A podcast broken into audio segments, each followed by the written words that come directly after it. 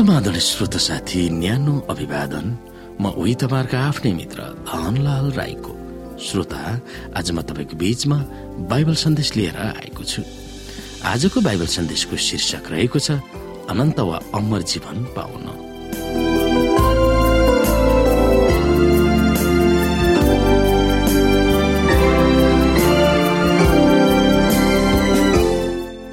श्रोत साथी पण्डितको आफ्नै जवाफ के थियो? हामीले अगाडिको अध्यायमा हेरौँ। हामी यहाँ हेर्न सक्छौ लुका दश अध्यायको सत्ताइस र अठाइस तिनले भने तिमीले परमप्रभु आफ्ना परमेश्वरलाई आफ्नो सारा हृदयले आफ्नो सारा प्राणले आफ्नो सारा समझले र आफ्नो सारा मनले प्रेम गर र आफ्नो छिमेकीलाई आफैलाई चाहिँ प्रेम गर। उहाँले तिनलाई भन्नुभयो तिमीले ठिक जवाफ दियो त्यसै गर र तिमी जिउनेछौ। पण्डितले प्रश्न सोधे त्यो प्रश्नको जवाफ उनी आफैले दिए। परमप्रभु आफ्नो परमेश्वरलाई आफ्नो सारा हृदयले आफ्नो सारा प्राणले आफ्नो सारा समझले र आफ्नो सारा मनले प्रेम गर र आफ्नो छिमेकीलाई आफैलाई चाहिँ प्रेम गर। यसोको जवाफ के थियो त? उहाँले भन्नुभयो तिमीले ठिकै जवाफ दियो। अनि यसोले उनलाई चुनौती दिँदै भन्नुभयो तिमीले त्यसै गर तिमी जिउनेछौ श्रोता धेरै विश्वासीहरूको निम्ति शिक्षा दीक्षा र आस्थाको बारेमा ठिक जवाब दिनु त्यति गाह्रो छैन। तर चुनौती त यो छ कि आफ्नो विवेकले जे सिकेर जे विश्वास गरे त्यसलाई ठिकसँग पालन गर्न सक्नु हो। कतिपय मानिसहरू मुक्ति पाउने ज्ञान होला तर तिनीहरूले अमर जीवन पाउँछन् भन्ने छैन। किनकि तिनीहरूले थाहा पाएको अन्तस्करणले जे ठिक छ त्यो गरेको हुँदैन। त्यसकारण अनन्त जीवनको मामिलामा गम्भीर छ। परमेश्वरको प्रेमको बारेमा मात्र थाहा पाएर वा विश्वास गरेर र छिमेकीहरूलाई चिनेर मात्र नपुग्ने रहेछ। आफूले जानेको कुरालाई कार्यान्वयन गर्नु आवश्यक रहेछ भन्ने कुरा हामी यहाँबाट बुझ्न सक्छौ। यसुले पण्डितलाई जवाब दिएको सँग याकुबको भनाइ कसरी मिल्छ? हामी हेर्न सक्छौ मेरा भाइ हो यदि कोही मानिसले मसित विश्वास छ भन्छ काम चाहिँ गर्दैन भने त्यसबाट के लाभ? कि त्यसको विश्वासले त्यसलाई बचाउन सक्छ र यदि कोही भाइ वा बहिनी झुततिर झाम्रे छ र त्यसलाई दिनौको भोजन अभाव छ अथवा अपुग छ र तिमीहरू मध्ये कसैले त्यसलाई शान्तिसँग जाऊ न्यानो गरी बस पेटभरि खाऊ मात्र भन्छ। तर त्यसको शरीरलाई चाहिने कुराहरू चाहिँ दिँदैन भने त्यसबाट के लाभ हुन्छ र? यसरी विश्वास पनि काममा प्रकट हुँदैन भने त्यो विश्वास मिलित हो। र कसैले भन्ला तिमीसित विश्वास छ मेरा चाहिँ कामहरू छन्। काम बिनाको तिम्रो विश्वास मलाई देखाऊ र मैले गरेको कामद्वारा म आफ्नो विश्वास तिमीलाई देखाउने छु तिमीहरू विश्वास गर्दछौ कि परमेश्वर एउटै हुनुहुन्छ। त्यो असल हो। भूतात्माहरू पनि विश्वास गर्छन् र थर थर काम छन् मूर्ख हो काम बिनाको विश्वास व्यर्थ हुन्छ भन्ने कुराको प्रमाण चाहन्छौ।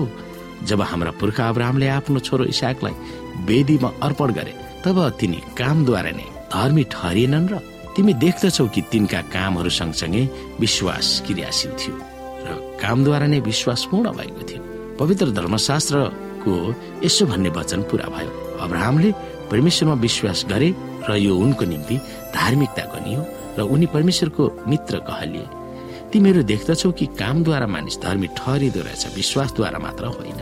श्रोता यदि हामीले सचमुच रूपमा वा पारदर्शी रूपमा परमेश्वरलाई प्रेम गर्छौँ भने हामी उहाँको वचन पढ्नेछौँ हामी प्रार्थना गर्नेछौँ उहाँको दशाज्ञाहरू पालन गर्नेछौँ र हाम्रो सारा हृदयले उहाँको आवाजलाई सुन्नेछौँ। यदि हामीले अरूहरूलाई माया गर्छौँ भनेर मुखले भन्छौँ तब चर्चमा अरूप्रति वास्ता राख्दैनौँ भने वा हामीले सहयोग गर्ने क्षमताले वास्ता गर्दैनौँ भने हाम्रो विश्वासको मतलब के छ र? यसोको मार्गमा हिँड्नु भनेको केवल विशेष शिक्षा दीक्षाहरूलाई जान्नु मात्र होइन यो जीवन पद्धति हो। यदि कोही भाइ वा बहिनी झुत्रे झाम्रे छ त्यसलाई दिनौको भोजनको अपुग छ र तिमीहरू मध्ये कसैले त्यसलाई शान्तिसँग जाऊ न्यानो गरी बस पेटभरि मात्र खाऊ भन्छ तर त्यसको शरीरलाई चाहिने कुराहरू चाहिँ दिँदैन भने त्यसबाट के लाभ हुन्छ? हामीले यो हेर्यौँ। अरूहरूको हितप्रति तपाईँ हामी कतिको सरकार राख्छौँ। पावलका वचनहरू तपाईँ हामीले कतिको पालन गरिरहेका छौँ। तिमीहरू हरेकले आफ्नै हित मात्र नखोज तर अरूका हितलाई पनि हेर।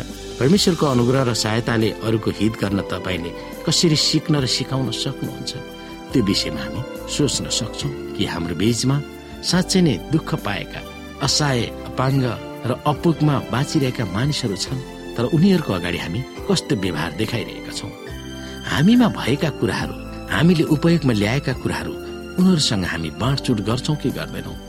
उनीहरूको दुःखहरूमा हामीले हातेमालो गर्न सकेका छौँ कि छैनौँ? त्यसमा पनि भर पर्दछ। जब हामी बाइबलमा पढ्दछौँ र हामी कुराहरू चर्चहरूमा संगतिहरूमा ठुला ठुला गर्दछौ कि प्रेम प्रेम प्रेम भनेर हामी भन्दछौँ। हामीले अरूलाई पनि आफूलाई जस्तै प्रेम गर्नुपर्छ भनेर भन्दछौँ ताकि हामी सहानुभूतिहरू देखाउँछौँ। मिठो खाऊ न्यानो गरी बस्छ तर उनीहरूको समस्यामा हामी साथ दिन सकेनौँ भने ती कुराहरूले हामीलाई उपलब्धि दिँदैन। जब हामी हाम्रो विश्वासलाई जीवित राख्न चाहन्छौँ भने हाम्रो विश्वासलाई कार्यान्वयनमा ल्याउन चाहन्छौँ भने हामी उनीहरूको सहयोगको निम्ति उनीहरूको दुःखमा हातेमाला गर्नको निम्ति अवश्य पनि लागि पर्नु पर्दछ र उनीहरूको दुःख कष्टसँगै हाम्रो जीवनलाई ढाल्न सक्नु पर्दछ र उनीहरूको खाँचोमा हामी पूरक बन्न सक्नु पर्दछ हामी जब समस्यामा परेकाहरूको समस्याहरूबाट भाग्दछौँ।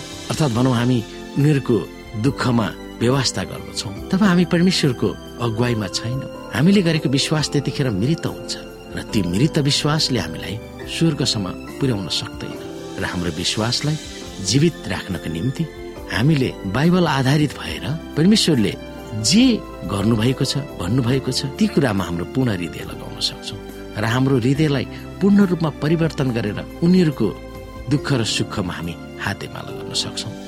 त्यसो भयो भने हामी साँच्चै नै परमेश्वरको अगुवाईमा हाम्रो जीवनलाई हिँडाउन सक्दछौँ।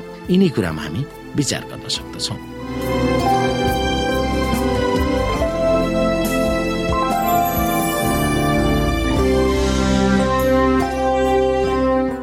श्रोता साथी आजको लागि बाइबल सन्देश यति नै। हस्त नमस्ते। जय मसिंह।